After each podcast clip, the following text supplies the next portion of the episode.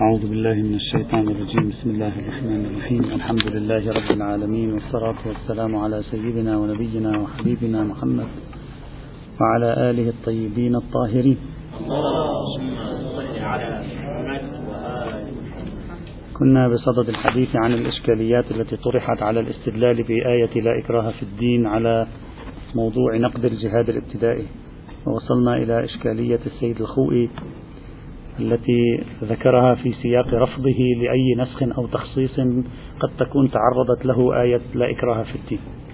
بالأمس كنا في آخر الدرس شرحناها بسرعة لا بأس بإيضاحها لأن الأمثلة التي أعطيناها ربما شوشت. سيد الخوئي قال الإكراه كلمة تطلق في مقابل معنيين. يأتي الإكراه بمعنيين. يأتي الإكراه تارة فيما يقابل الرضا ويأتي الإكراه أخرى فيما يقابل الاختيار. مثلا أنت تكره شخصا على أن يمشي في حالتين. الحالة الأولى أن تأخذ ابنه وتضع السلاح في رأس ابنه وتقول له امشي. يمشي. هذا هذا إكراه مقابل الرضا. هو سيمشي لكن ليس براض. أما الإكراه مقابل الاختيار فهو عبارة عن الإجبار. أنت تأتي به تربط يديه ثم تجبره على المشي قهرا جبرا. هذا الإكراه في مقابل الاختيار.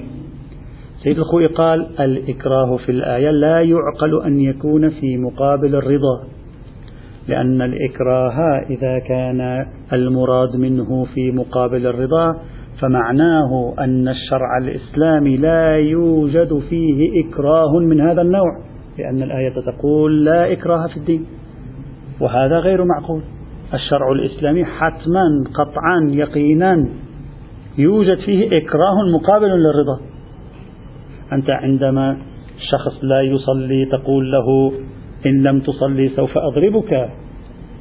مستخدما المرتبة الثالثة من مراتب الأمر بالمعروف والنهي عن المنكر التي ذهب إليها مشهور الفقهاء. وهذا إكراه في مقابل الرضا. فكيف تقول الآية لا إكراه في الدين؟ أنت في نظام العقوبات في نظام الحدود في نظام القصاص وأمثال ذلك. أنت تمارس الإكراه على الناس بهذا المعنى. الدولة أصلا تمارس الإكراه. أي دولة في العالم تمارس الإكراه بهذا المعنى؟ فلا معنى لأن يكون المراد من الآية لا إكراه في الدين يعني في مقابل الرضا. لأن هذا نحرز بطلانه. فلا بد أن نفهم الآية لأنها تريد لا إكراه في الدين أي لا جبر ما معنى؟ يعني تكوينا لست مجبورا على الدين. بإمكانك إكراه بمعنى لا ترضى؟ نعم موجود في الدين. إكراه بمعنى أنني أجرك جرا لفعل شيء؟ لا هذا ليس موجودا في الشريعة صحيح. هذا هو الذي لا إكراه في الدين. وبهذا يكون السيد الخوي قد أخرج الجهاد الابتدائي لأن الجهاد الابتدائي لا تجر فيه أنت شخصا إلى الإيمان. لا تجر لا تجبر لا تتدخل في باطنه. أنت تكرهه على الإيمان. فيسلم غير راض. وليس براض لكن يسلم. إذا لا علاقة لآية لا إكراه في الدين بأي من آيات الجهاد الابتدائي لو كانت دالة على الجهاد الابتدائي. حتى نفترض نسخ واحدة منهما بالأخرى أو كون واحدة منهما منسوخة بالأخرى. فضلا عن أيضا حتى التخصيص وأمثال ذلك. هذه حاصل مقاربة السيد الخوئي في حل المشكلة وجعل لا إكراه في الدين أجنبية عن بحثنا لا علاقة لها ببحثنا. نتيجة مفاد السيد الخوئي ما هو؟ هو نفس كلام العلامة الطبطبائي نتيجته هو هو يريد أن يلتقي معه في النتيجة لكن التخريجة كانت مختلفة. التخريجة كانت مختلفة. هذا مفاد كلام السيد الخوئي رحمة الله تعالى عليه. إلا أن كلامه رحمه الله يمكن أن يورد عليه تارة بالنقض وأخرى بالحل. أما الحل فظاهر الآية. صحيح يقول لا إكراه في الدين لكن ذيل الآية واضح في أنه بصدد الإشارة إلى أصل الانتماء لعبادة الله في مقابل الكفر. فمن يكفر بالطاغوت ويؤمن بالله يعني جعل القضية قضية إيمان بالله وعلقها بفمن ربطها بالفاء. مما يوحي بأن لا إكراه في الدين مرتبطة بأصل الكفر بالطاغوت وأصل الإيمان بالله. ولا أقل من أن هذا الذيل محتمل القرينية ومع احتمال القرينية يؤخذ بالقدر المتيقن والقدر المتيقن لا يكون لصالح القرينة أي هو في مجال الأمر العقدي. لا في مطلق المجالات العملية حتى يريد علينا السيد الخوي أنه في مطلق المجالات العملية نجزم بأن هناك إكراها في الإسلام في مقابل الرضا. إذا ذيل الآية إن لم يدعى على أنه قرينة تجعل الآية في سياق الحديث عن أصل الانتماء للدين والكفر بالشيطان أصل الانتماء لله والكفر بالطاغوت فلا أقل من أن هذا الزيت يحدث إجمالا في دلالة الآية فنأخذ بالقدر المتيقن الم... الذي هو مستفاد من الزيل حينئذ. ويكون لصالح القرينة. فلا نستطيع أن نفهم ما فهمه السيد الخوئي في هذه الحال. هذا حلا. ونقضا سلمنا مع السيد الخوئي. هل نمشي مع السيد الخوئي. لو صح كلامه سنمشي مع السيد الخوئي تماما. طيب الآية تقول لا إكراه في الدين أي لا إجبار في الدين مقابل الاختيار. غير صحيح. هذا أيضا غير صحيح. لأن الدين أيضا فيه بعض الموارد الإجبارية. حتى الإجبار الإكراه بمعنى الإجبار. إن شئت أم أبيت أنت أخذت مالا سرقت مالا من شخص ووضعته في بيتك. الدولة الإسلامية تأتي شئت أنت أم إجبارا عنك تأخذه من بيتك. هذا ليس إكراه في مقابل الرضا. هذا إكراه سلب سلطنتك التكوينية عليه بالإجبار القهري. وهذا موجود في الشرع. ومثله كثير أيضا في الشرع. الإكراه في مقابل الرضا موجود في الشرع في الجملة. الإكراه في مقابل الاختيار أيضا موجود في الشرع في الجملة. هذا أيضا ثابت ليس به. إذا قلنا الأب يمكنه أن يزوج ابنته حتى بلا حاجة إلى إذنها كما هو رأي جماعة من الفقهاء. هذه أجبرت إجبارا على أن تصبح زوجة زيد. إجبار أجبرت. ليس باختيارها. ليس فقط ليس برضاها بل قهرت تكوينا دخلت في عقد علقة الزوجية بدون أن تريد ذلك وهذا هو الإجبار. إذا كان لا إكراه في الدين يريد السيد الخوي أن يجعله لصالح لا إجبار في الدين لأن لا إكراه في مقابل الرضا موجودون وهذا أيضا موجود. لن يحل المشكلة. نكتة استدلال السيد الخوي متساوية النسبة إلى طرفين. والمرجح لنا للفهم هو ذيل الآية حينئذ. هذا مجمل يعني نكتفي بهذا المقدار آه، لمداخلة السيد الخوئي رحمة الله تعالى عليه. فإذا مداخلته غير واضحة.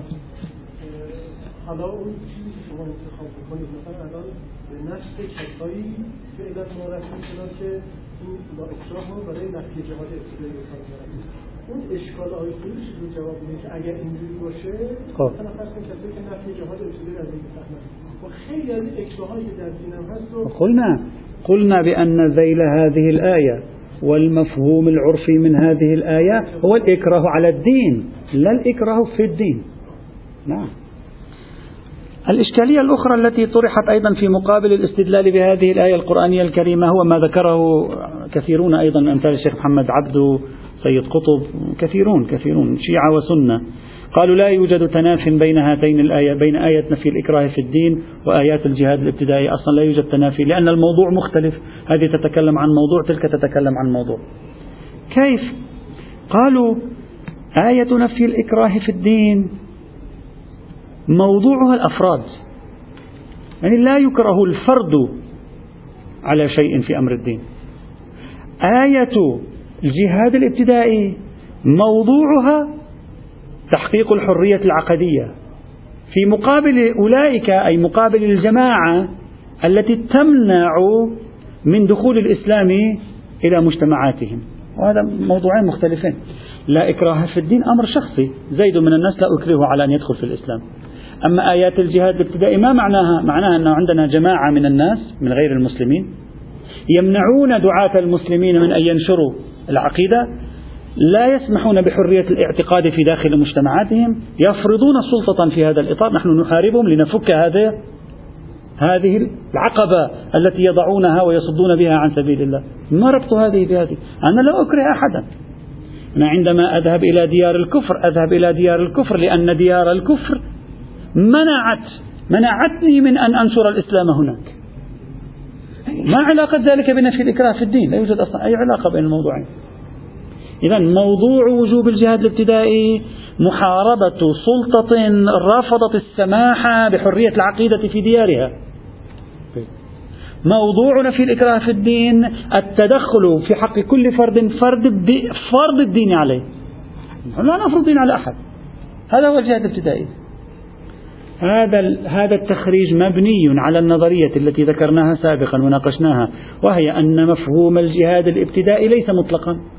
مفهوم الجهاد الابتدائي خصوص الحرب مقابل سلطة تمنع من انتشار الإسلام في ديارها. لا أكثر ولا أقل. إذا واحد فسر الجهاد الابتدائي بهذا المعنى نعم لا يوجد تنافي بين نفي الإكراه في الدين وما بين أدلة وجوب الجهاد الابتدائي أصلا. لا يوجد أي تنافي صحيح كلام 100% هذا التخريج صحيح. تلك تقول لا تكره الناس على الدين هذه تقول أكره السلطة التي تريد أن تكره الناس على الكفر. امنع إكراه الناس على الكفر. امنع إكراه الناس على الكفر. لا يعني إكراه الناس على الدين. بالعكس. يعني فسح المجال للناس لأن يؤمنوا باختيارهم. إذا هكذا فسرت الجهاد الابتدائي تنحل العقدة من, من الأول. صحيح. قلنا سابقا هذه النظرية لا دليل عليها ذكرها جماعة من المتأخرين في محاولة لتفسير أو إعادة تفسير مفهوم الجهاد الابتدائي. لا تساعد عليها النصوص لا تساعد عليها الأدلة ولا يساعد عليها قول الفقهاء عبر التاريخ أصلا. نصوصهم ليست في هذا السياق أبدا. هلا إذا واحد اختارها؟ لا بأس ترتفع المشكلة حينئذ. مشهور که طرف اجبار به دینی به طور حداقل این جهاد نعم هذا الذي نقوله. نقول أدلة الفقهاء المتقدمين نصوص الفقهاء المتقدمين ما عرف بأدلة الجهاد الابتدائي لا يساعد على هذه النظرية التي تقول بأن الجهاد الابتدائي ليس لفرض الدين على الناس وإنما هو فقط لمحاربة سلطة تفرض الكفر على الناس. لا صحيح. يعني المعطيات هذا الفريق الجديد ليست متناسبة لا مع كلمات الفقهاء لا مع الأدلة الحديثية ولا مع الأدلة القرآنية التي سيقت في الجهاد الابتدائي. هذا خامسا. أو لا أدري أي مداخلة. مداخلة أخرى ما ذكره السيد الشهيد محمد باقر الصدر. السيد الشهيد محمد باقر الصدر على ما جاء في كتاب المدرسة القرآنية قدم أيضا محاولة تفسيرية للجهاد الابتدائي تحاول أن تفك بين مفهوم الجهاد الابتدائي ومفهوم الإكراه على الدين. تعرفون القرن العشرين قرن الحقوق والحريات والإنسان. وبالتالي هذه مشكلة حقيقية. الآن مسلم في القرن العشرين كيف يستطيع أن يتحدث بلغة العالم كله لم يعد يفهمها؟ يعني يعتبرها لغة آه، قديمة هجرت يعني. فلا بد من إيجاد تكييفات. الفقهاء المفكرون قدموا تكييفات متعددة. أحدهم سيد شهيد صدر في كتاب المدرسة القرآنية. يقول يسيء البعض. يعتبر هو أن البعض يسيء فهم آية لا إكراه في الدين قد تبين الرشد من الغي. يسيء فهمها يخطأ في فهمها. فيظن أن القرآن كفل للإنسان حرية التدين وعدمه. يقول بعضهم هكذا يتصور أن لا إكراه في الدين. يعني القرآن قال لنا براحتك أنت تريد تتدين تدين أنا أقبل بكفرك. أنا أرحب بكفرك. يدنا مودود ممدودة لكفركم. ها؟ هكذا مثلا. ومنع ومنع الدين الإسلام. يتصور بعضهم هكذا.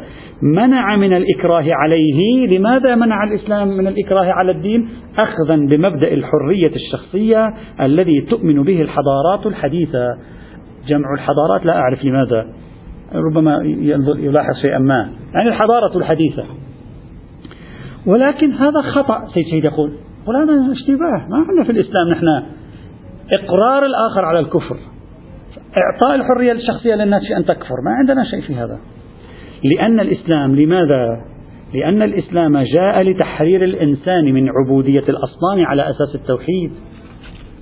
فلا يمكن أن يأذن للإنسان بالتنازل عن أساس حريته والانغماس في عبوديات الأرض وأصنامها أصلا نفس كونك عابدا لغير الله معناه أنك مكبل الحرية. يعني السيد الشهيد كما هي النظرية السائدة في أدبيات الخطاب الإسلامي اليوم أن عدم الذهاب نحو الإيمان بالله هو تقييد لحرية الإنسان وليس العكس. لذلك السيد الشهيد الصدر في كتاب اقتصادنا يفصل بين الحرية الشكلية وبين الحرية المضمونية الموضوعية كما يسميها. يقول ما في الغرب حرية شكلية لكن في الحقيقة أنت مسير. لكن ما في الإسلام حرية مضمونية. وإن كان أنت تتصور شكلا أنك مسير. هناك فصل له كلام جميل لطيف يطرح هناك. هنا يقول نفس الشيء يقول أصلا كونك ترجع لعبادة غير الله كونك غير موحد أنت غير متحرر. أنت المكبل. أنا أريد أن أعطيك حريتك الشخصية. حريتك أين؟ في التوحيد. حريتك أين؟ في التوحيد. يقول كما أن الإسلام لا يعتبر عقيدة التوحيد مسألة سلوك شخصي خاص. شوف هذا هذا الآن أنت الآن تتكلم مع واحد مثل سحن باقر الصدر. بجدارة الآن هو فقيه سياسي. بجدارة هذه العبارات يعلن فيها فقيه مثل سحن باقر الصدر وعيه السياسي للإسلام. يعني يريد أن يقول التوحيد أنت التوحيد أوضح شيء في الأمور الشخصية هو التوحيد. المسألة ذاتية. لكن الآن السيد باقر الصدر يريد أن يعيد إنتاج التوحيد على أنه عبارة عن قضية ليست شخصية. أبدا. قضية تمس الإنسان كجماعة. لم تعد تمسك أنت كفرد. يقول كما أن الإسلام لا يعتبر عقيدة التوحيد مسألة سلوك شخصي خاص كما ترى الحضارات الغربية. بل هي أي عقيدة التوحيد القاعدة الأساسية لكيانه الحضاري كله. أصلا كيان الإسلام الحضاري مبني على التوحيد. فكما لا يمكن للديمقراطية الغربية مهما آمنت بالحرية الشخصية أن تسمح للأفراد بمناوئة فكرة الحرية نفسها كما هم في الغرب لا يسمحون بمحاربة الحرية. وتبني أفكار فاشستية ديكتاتورية كذلك لا يمكن للإسلام أن يقر أي تمرد على قاعدته الأساسية. ونحن قاعدتنا الأساسية هي التوحيد. أنتم قاعدتكم الأساسية هي الحريات الشخصية. هل تسمحون لنا بأن نعمل لكي نؤسس حزب نازي؟ هل تسمحون بالفاشستية؟ ما تسمحون لنا. نحن أيضا لا نسمح. لأن كيان الحضاري مبني على التوحيد كيانك الحضاري مبني على الحرية الشخصية. ما تستطيع أن تناقشني الإشكال مبنائي صار. كذلك لا يمكن للإسلام أن يقر أي تمرد على قاعدته الرئيسة. وإنما يهدف القرآن الكريم حين ينفي الإكراه في الدين إلى أن الرشد قد تبين من الغي والحق تميز عن الضلال. هذا محل الشاهد؟ هذا الذي نحن ينفعنا هنا. بما أن الرشد قد تميز بما أن الغي قد تميز بما أن الحق والضلالة قد تميزا فلا حاجة إلى إكراه. ما دام المنار واضحا والحجة قائمة والفرق بين الظلام والنور لائحا لكل أحد. خلاصة فكرة السيد الصدر. في تفسير الآية أن معنى لا إكراه يعني لا حاجة للإكراه بعد أن تبين الرشد من الغاية. يعني ليس هناك من حاجة لنا إلى الإكراه. لا أن الإكراه نحن نرفضه. لا أن الإكراه مذموم عندنا. لا أننا لا نؤمن بالإكراه في الدين. بل كل ما في الأمر أن الآية تعلن بعد أن تبين الرشد من الغي لم يعد هناك حاجة أصلا. الآن سنتكلم. هذا تفسير سيد باقر الصدر. يقول بعد تبين الرشد من الغي لا حاجة للإكراه لا أنه بعد تبين الرشد من الغي لا يوجد إكراه. يوجد إكراه لكن لسنا بحاجة إلى خلينا نعطي مثال ليوضح فكرة السيد الصدر. عندك ابن ابنك ما شاء الله واعي يستجيب للمنطق تقنعه فزوجتك تحاول أن تعنفه. تقول لها لا حاجة للعنف هنا معه ما دام يقتنع معنا بالكلام الطيب. لا حاجة للعنف. لا أنك ترفض أساس العنف في تربيته. لا العنف مشروع عندي. لكن في مورده إذا تبين الرشد من الغي وكان هناك وضوح لا حاجة لذلك. هذا حاصل مقاربة السيد الصدر في كتاب المدرسة القرآنية لموضوع لا إكراه في الدين. وبالتالي لا إكراه في الدين نفي الحاجة وأدلة الجهاد الابتدائي. لا, لا تقول شيء. تقول هذا واجب شرعا عليكم أو هذا مشروع لكم. بس الآن لا حاجة له. عندما يكون له حاجة لا بأس. لا تناقض حينئذ. هذا كلام السيد الصدر رحمة الله تعالى عليه والذي وافقه فيه بعض المعاصرين. أيضا رحمه الله وهو السيد عبد الكريم موسى الأردبيلي وافقه في هذه الفكرة في كتابه فقه الحدود والتعزيرات. هذه الفكرة طرحها السيد الصدر وتبعه فيها على ما يبدو السيد الأردبيلي. يمكن أن نتوقف عندها قليلا. أول توقف يواجهنا ونحن نسمع فكرة السيد الصدر من أين أتت كلمة الحاجة؟ من أين استطاع السيد الصدر أن يقول إن مفهوم الحاجة مقحم هنا؟ ما الذي دفعه إلى أن يقحم مفهوم الحاجة؟ لا إكراه في الدين نفي وجود. لا نفي حاجة نفي حاجة يعني في قيد إضافي. أنا إذا قلت لك لا سرقة في حياتي يعني نفي وجود. لا لا سرقة في حياتي يعني لم أحتج إلى السرقة. وهذا خلاف الظاهر عرفا. الظاهر من نفي الشيء نفي وجود الشيء لا الظاهر من نفي الشيء نفي الحاجة إلى الشيء مع وجوده هو موجود هو موجود عند السيد الصدر لكن لا حاجة إليه لأنه قد تبين رسل الغيب وهذا قد تبين لا تدل على نفي الحاجة. الآن سنشير أيضا الآن لحظة. الآية لا تحكي عن نفي الحاجة تحكي عن نفي الإكراه نفي وجود الإكراه. لماذا نفي وجوده؟ لأنه قد تبين الرشد من الغي. قد تبين الرشد من الغي متساوية النسبة إلى نفي الوجود ونفي الإكراه. بأي موجب تقول قد تبين الرشد من الغي؟ لا يكون إلا في مورد الحاجة. لا. لأن الحق قد بان لأن الحجة قد ألقيت لا يوجد إكراه. ولا تعين لي لأن الحجة قد ألقيت لا يوجد لا يوجد حاجة للإكراه. يعني إذا الحجة لم تلقى فالإكراه مشروع. إذا لم يتبين الحق من الباطل فالإكراه حينئذ نكون محتاجين إليه. هكذا. يعني إذا لم يتبين لا لم يقتنع الطرف الآخر ها. إذا لم يتبين فنحن محتاجون إلى أن نكرهه. خلاف الظاهر عرفا من الآية ثم إذا كان الأمر كذلك إذا لم تكن هناك حاجة للإكراه لأنه قد تبين الرشد من الغي فلماذا شرع وجوب الجهاد الابتدائي؟ وجوب الجهاد الابتدائي ليس شرعية الجهاد الابتدائي. وجوب الجهاد الابتدائي مشرع. وكل أربع سنوات مرة وكل عشر سنوات مرة على الآراء. بدون أن يقيدوا حتى السيد الصدر هذا بدون أن يقيدوا وجوب الجهاد الابتدائي قد تبين الرشد من الغي لم يتبين الرشد من الغي. أصلا قد تبين الرشد من الغي مطلقة. إذا لو كانت الآية القرآنية الكريمة في ربطها قد تبين الرشد من الغي. تريد أن تتحدث عن الحاجة؟ أولا نسبة قد تبين الرشد من الغي متساوية إلى الحاجة وإلى الوجود. وظاهر لا إكراه هو الوجود. ثانيا لو كان الأمر على ما قاله السيد الصدر فلماذا وجب الجهاد الابتدائي لماذا يجب؟ وقولوا حينئذ الجهاد الابتدائي لا يجب إلا في حالة استثنائية أن لا يكون الحق والباطل قد تبين. يعني فقط نقاتل أولئك الذين لم يتبين لهم الرشد من الغي والغريب والغريب.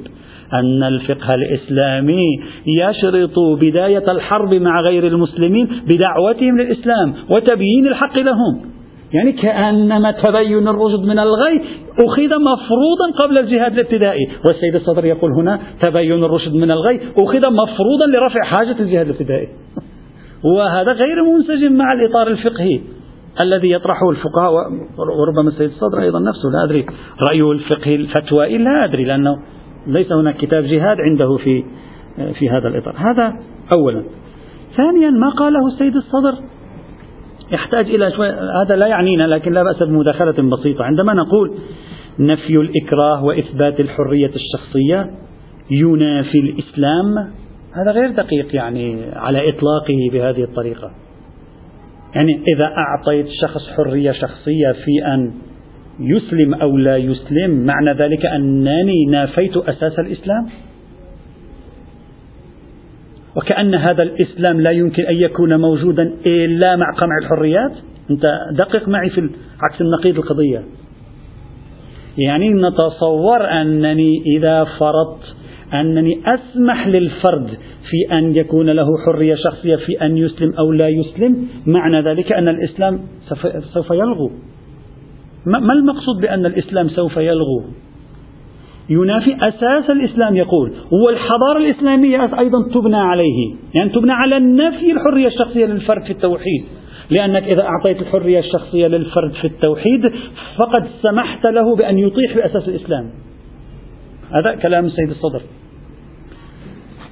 هذا النقاش عندما نقول حرية الشخصية لا نقصد أننا نقر هذا الشخص على ما فعل ونوافقه على كفره ونؤيده على كفره. لا, لا يدل على ذلك.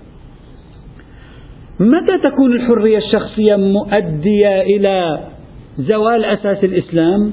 عندما يختار أغلب المسلمين في العالم الكفر. صحيح. في هذه الصورة نعم. إذا تصورنا هذه الصورة الخيالية هي خيالية أبدا. يعني تاريخ الأديان يقول من الصعب أن تزول الأديان من العالم. مسألة معقدة جدا خاصة أن تتكلم عن دين بحجم الإسلام. شيء معقد جدا أكثر مما تتصور. تزول الدول وتزول شعوب ربما وتزول أنظمة ولا, ولا تزول الأديان بالسهولة التي يتصورها شخص مثلنا الآن. نعم إذا أغلب المسلمين 99.99% من المسلمين اختاروا أن يكفروا. نعم أساس الإسلام حضارة الإسلام تزول حينئذ. لكن فرض شيء من هذا القبيل هو فرض خيالي. وبالتالي السماح لشخص بأن يكفر لا يعني أنني أرحب بكفره بل يعني أنني لا أتخذ موقفا قهريا تجاه كفره إجباريا تجاه كفره. أبقى أعرب له, أعرب له عن رفضي لكفره. أبقى أتوجه إليه لكي أقنعه بالإسلام. وإلى ما شابه. وإلا وإلا.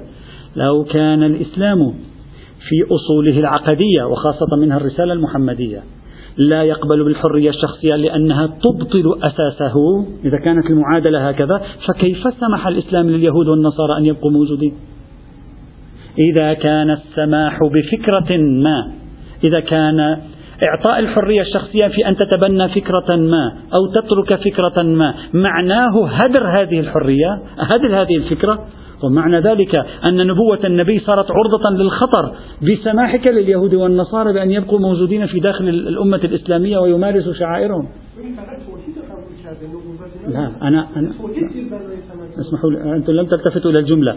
لو كانت المعادلة أن كل شيء لا أعطي عليه حرية شخصية فإذا أنا أعرضه لخطر الزوال. هذه الفكرة. إذا فأنا عندما لا أفرض نبوة نبينا محمد على اليهود والنصارى فأنا أعرض النبوة للزوال. نفس المعادلة بإمكان, السيد بإمكاني أن أجعلها. نفس المعادلة التي طبقها السيد صدر في التوحيد. يمكن أن نطبقها في أي واحدة من أصول الإسلام وهي الشهادة الثانية التي هي أصل من أصول الإسلام. وبتركها يخرج الإنسان من الإسلام. لا تقل. إذا إذا كانت ذهنيتنا أن إعطاء الحرية الشخصية في أمر ما يساوي التخلي عن ذلك الأمر أو تهديد وجود هذا الأمر برمته فإذا هذا لم يكن ينبغي للإسلام حينئذ أن يسمح للنصارى ولليهود بأن يبقوا موجودين لأن هذا إقرار لهم بحريتهم الشخصية في التخلي عن النبوة وبالتالي هذا تهديد لنبوة النبي.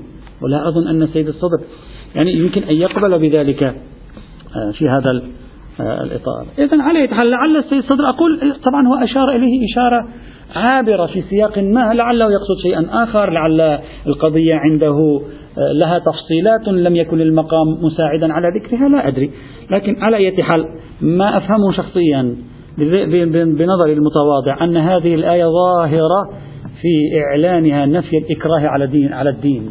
نفي أن يكره الإنسان على أن يدخل في آه، الإسلام. ليس في الإسلام فقط أصل الانتماء.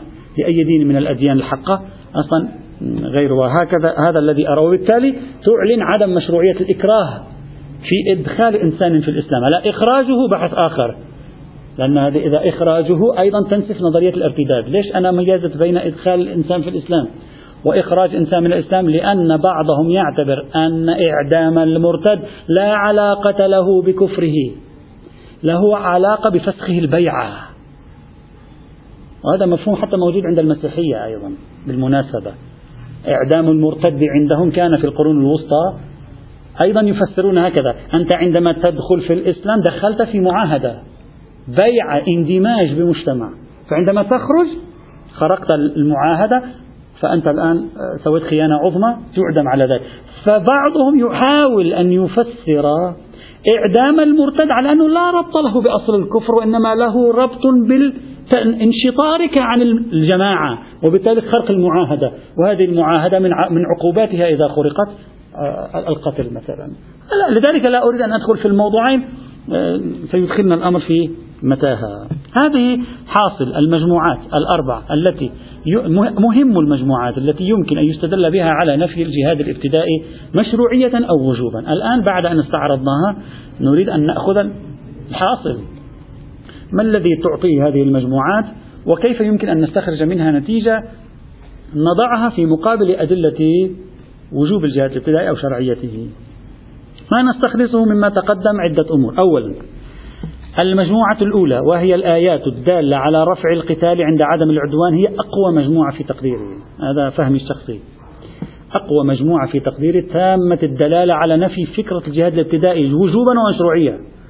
كما ذكرنا ذلك. عدا الآية الرابعة والأخيرة منها هناك ناقشناها. وقاتلوا الذين يقات... آه، آه، وقاتلوا في سبيل الله الذين يقاتلونكم ولا تعتدوا. ناقشنا هذه الآية. سائر الآيات غير هذه الآية في فهم المتواضع دالة على النفي وجوب ومشروعية الجهاد الابتدائي والله العالم. هذا أولا. ثانيا. نعم نعم نعم. ثانيا. المجموعة الثانية اللي هي عبارة عن آيات الحرية الدينية التي تعرضنا لها أيضا سابقا. هذه المجموعة قلنا تواجه مجموعة من المشاكل. ذكرنا بعض المداخلات النقدية عليها ورأينا أنها لا تصلح مستندا. عدا الآية الأولى فيها نحو إشارة إذا تذكرون. البقية لا تصلح مستندا قويا متينا لرد فكرة الجهاد الابتدائي وجوبا أو مشروعية اللي هي آيات الحرية الدينية فمن شاء فليؤمن ومن شاء فليكفر. هذا. قلنا الآية الأولى فيها نحو دلالة. سائر الآيات ليست واضحة في نفي لا مشروعية ولا وجوب الجهاد المجموعة الثالثة نصوص وظائف النبي. قلنا هذه المجموعة البالغة ثمانية عشرة آية. هذه المجموعة قلنا بعضها لا يفيد. ذكرنا خاصة حوالي ست أو سبع منها بالأكثر المجموعة الأخيرة اللي هي توكيل النبي وإلى آخره لا يفيد لكن بعضها بضمه إلى بعض لا بأس به. يمكن أن ينفعنا كما سنرى بعد قليل بشيء ما ليس بحجم المجموعة الأولى.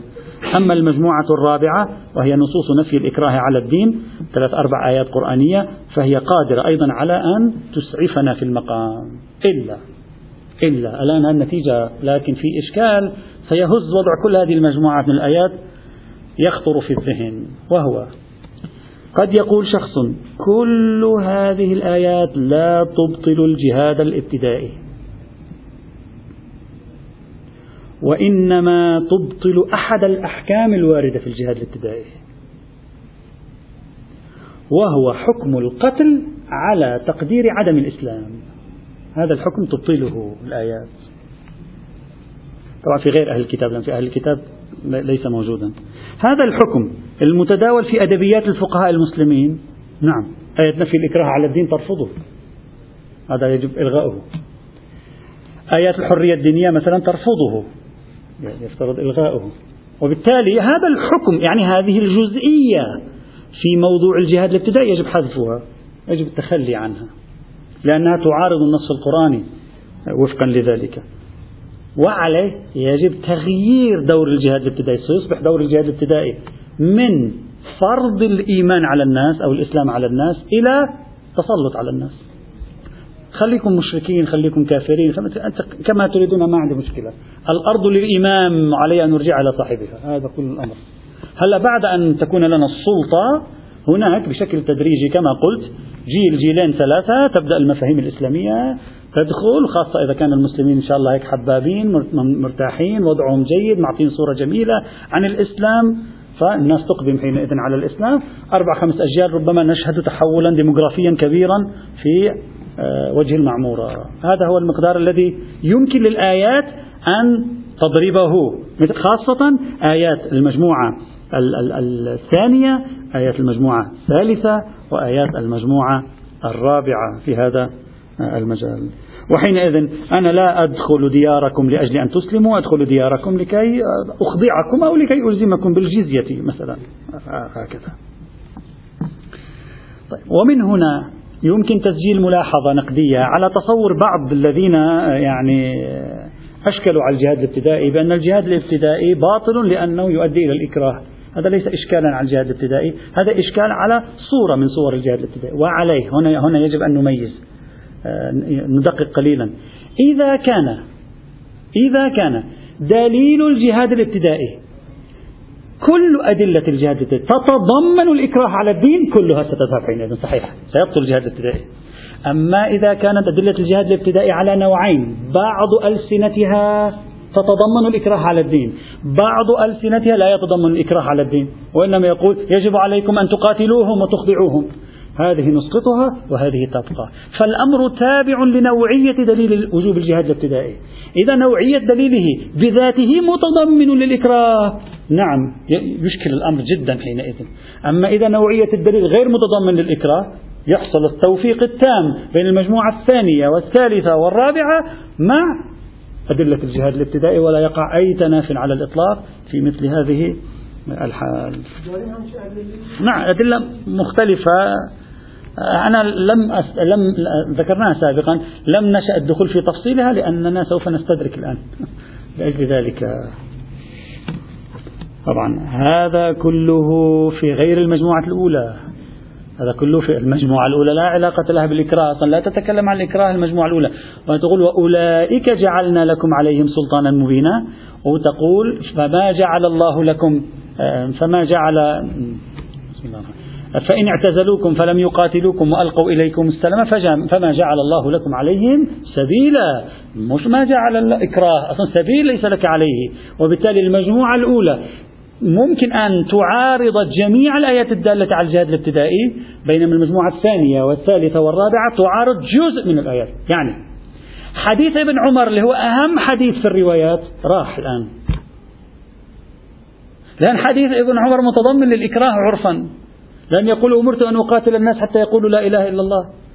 هذا الحديث الآن وأمثاله من الأحاديث انتهى. بينما آية الجزية لا تنتهي بالمجموعة الثانية والثالثة والرابعة لأن آية الجزية ليس فيها إشارة إلى فرض الإسلام عليهم. بينما الآن الأحاديث قوة العنصر القوة في الأحاديث كله راح. بسبب منافاته للمجموعات الثلاث القرآنية الثانية والثالثة والرابعة هذا مقصود من عملية التفكيك بين النصوص لأن أغلب الذين ربما كل لا أدري لم أرى هذا هذه المداخلة عند أحد في في حدود اطلاعي. أغلبهم أخذ القضية يعني بكج واحد كما يقال. في حين ينبغي أن نفصل في الألسنة وبالتالي المجموعات الثلاث تسقط لنا الأحاديث ولا يبقى في البين لو دققتم وراجعتم الآيات إلا آية الجزية. إلا آية الجزية التي يتمسك بإطلاقها في الحقيقة. قاتلوهم دون تقييد بأنهم اعتدوا عليكم أو لم يعتدوا عليهم عليكم.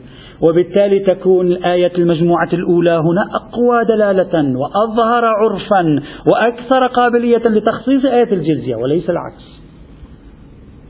وبذلك تكون المجموعات القرآنية والحديثية فيما بينها. إن لم نقل بأنها تثبت حرمة الجهاد الابتدائي لا أقل يأخذ من الصعب جدا أن نتكلم عن مشروعية الجهاد الابتدائي بدليل فضلا عن نتكلم عن وجود دليل على وجوب أو استحباب الجهاد الابتدائي. هذه حصيلة التركيب آه، بين النصوص القرآنية في هذا الإطار. هذا ما يتعلق بالأدلة القرآنية. إلا أن القائلين بنفي الجهاد الابتدائي أيضا أقاموا أدلة عقلية عقلانية كما فعل القائلون بأدلة شرعية الجهاد الابتدائي أبرز أدلتهم معروف معروف. نعرفه جميعا في أدبياتنا. نعرفه جميعا في أدبياتنا.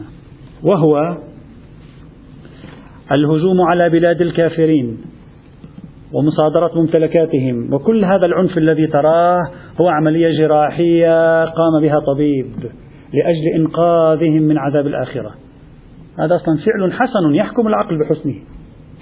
يحكم العقل بحسنه. أنت الآن فقط تمارس شيئا من العنف. بسطناها شيئا من العنف. بسطناها. تمارس الشيء من العنف صحيح يا أخي موجع موجع. أنا معك موجع. ولكن أنت في نهاية المطاف سوف تنقذ أرواح ملايين وملايين الناس خاصة عبر الأجيال القادمة تنقذ أرواحهم من العذاب. أنا أتكلم بوصفي مؤمنا الآن. إذا بوصفي مؤمنا العقل يحكم بوجوب إنقاذ الناس من جهنم. وليس فقط قوا أنفسكم وأهليكم نارا بل أيضا قوا سائر البشر نارا. وهذا قمة الإنسانية في أن تنقذه من نيران الآخرة. أولئك يسمونه التدخل الإنساني ويغزون دول وشعوب لأجل أن ينقذوا شعبا من بعض المآسي التي تمر به بسبب السلطة الحاكمة عنده. نحن الآن نحكم بالتدخل الإنساني لإنقاذ الشعوب بأكملها من تحت نير جهنم. وهذا أيضا يحكم العقل بحسنه يحكم بوجوبه أيضا.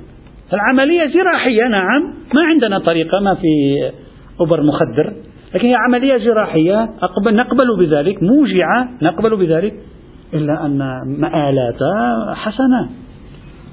وضرورية أيضا. بل فيها يعني لو لو صعدنا في الآخرة فترى ذلك الكافر سيقول يا ليتك غزوتني يا حبيبي وفعلت ما تريد أن تفعل وأنقذتني من هذه الورطة التي أنا فيها. أنا أتكلم الآن من زاوية شخص متدين يعني يؤمن بالآخرة.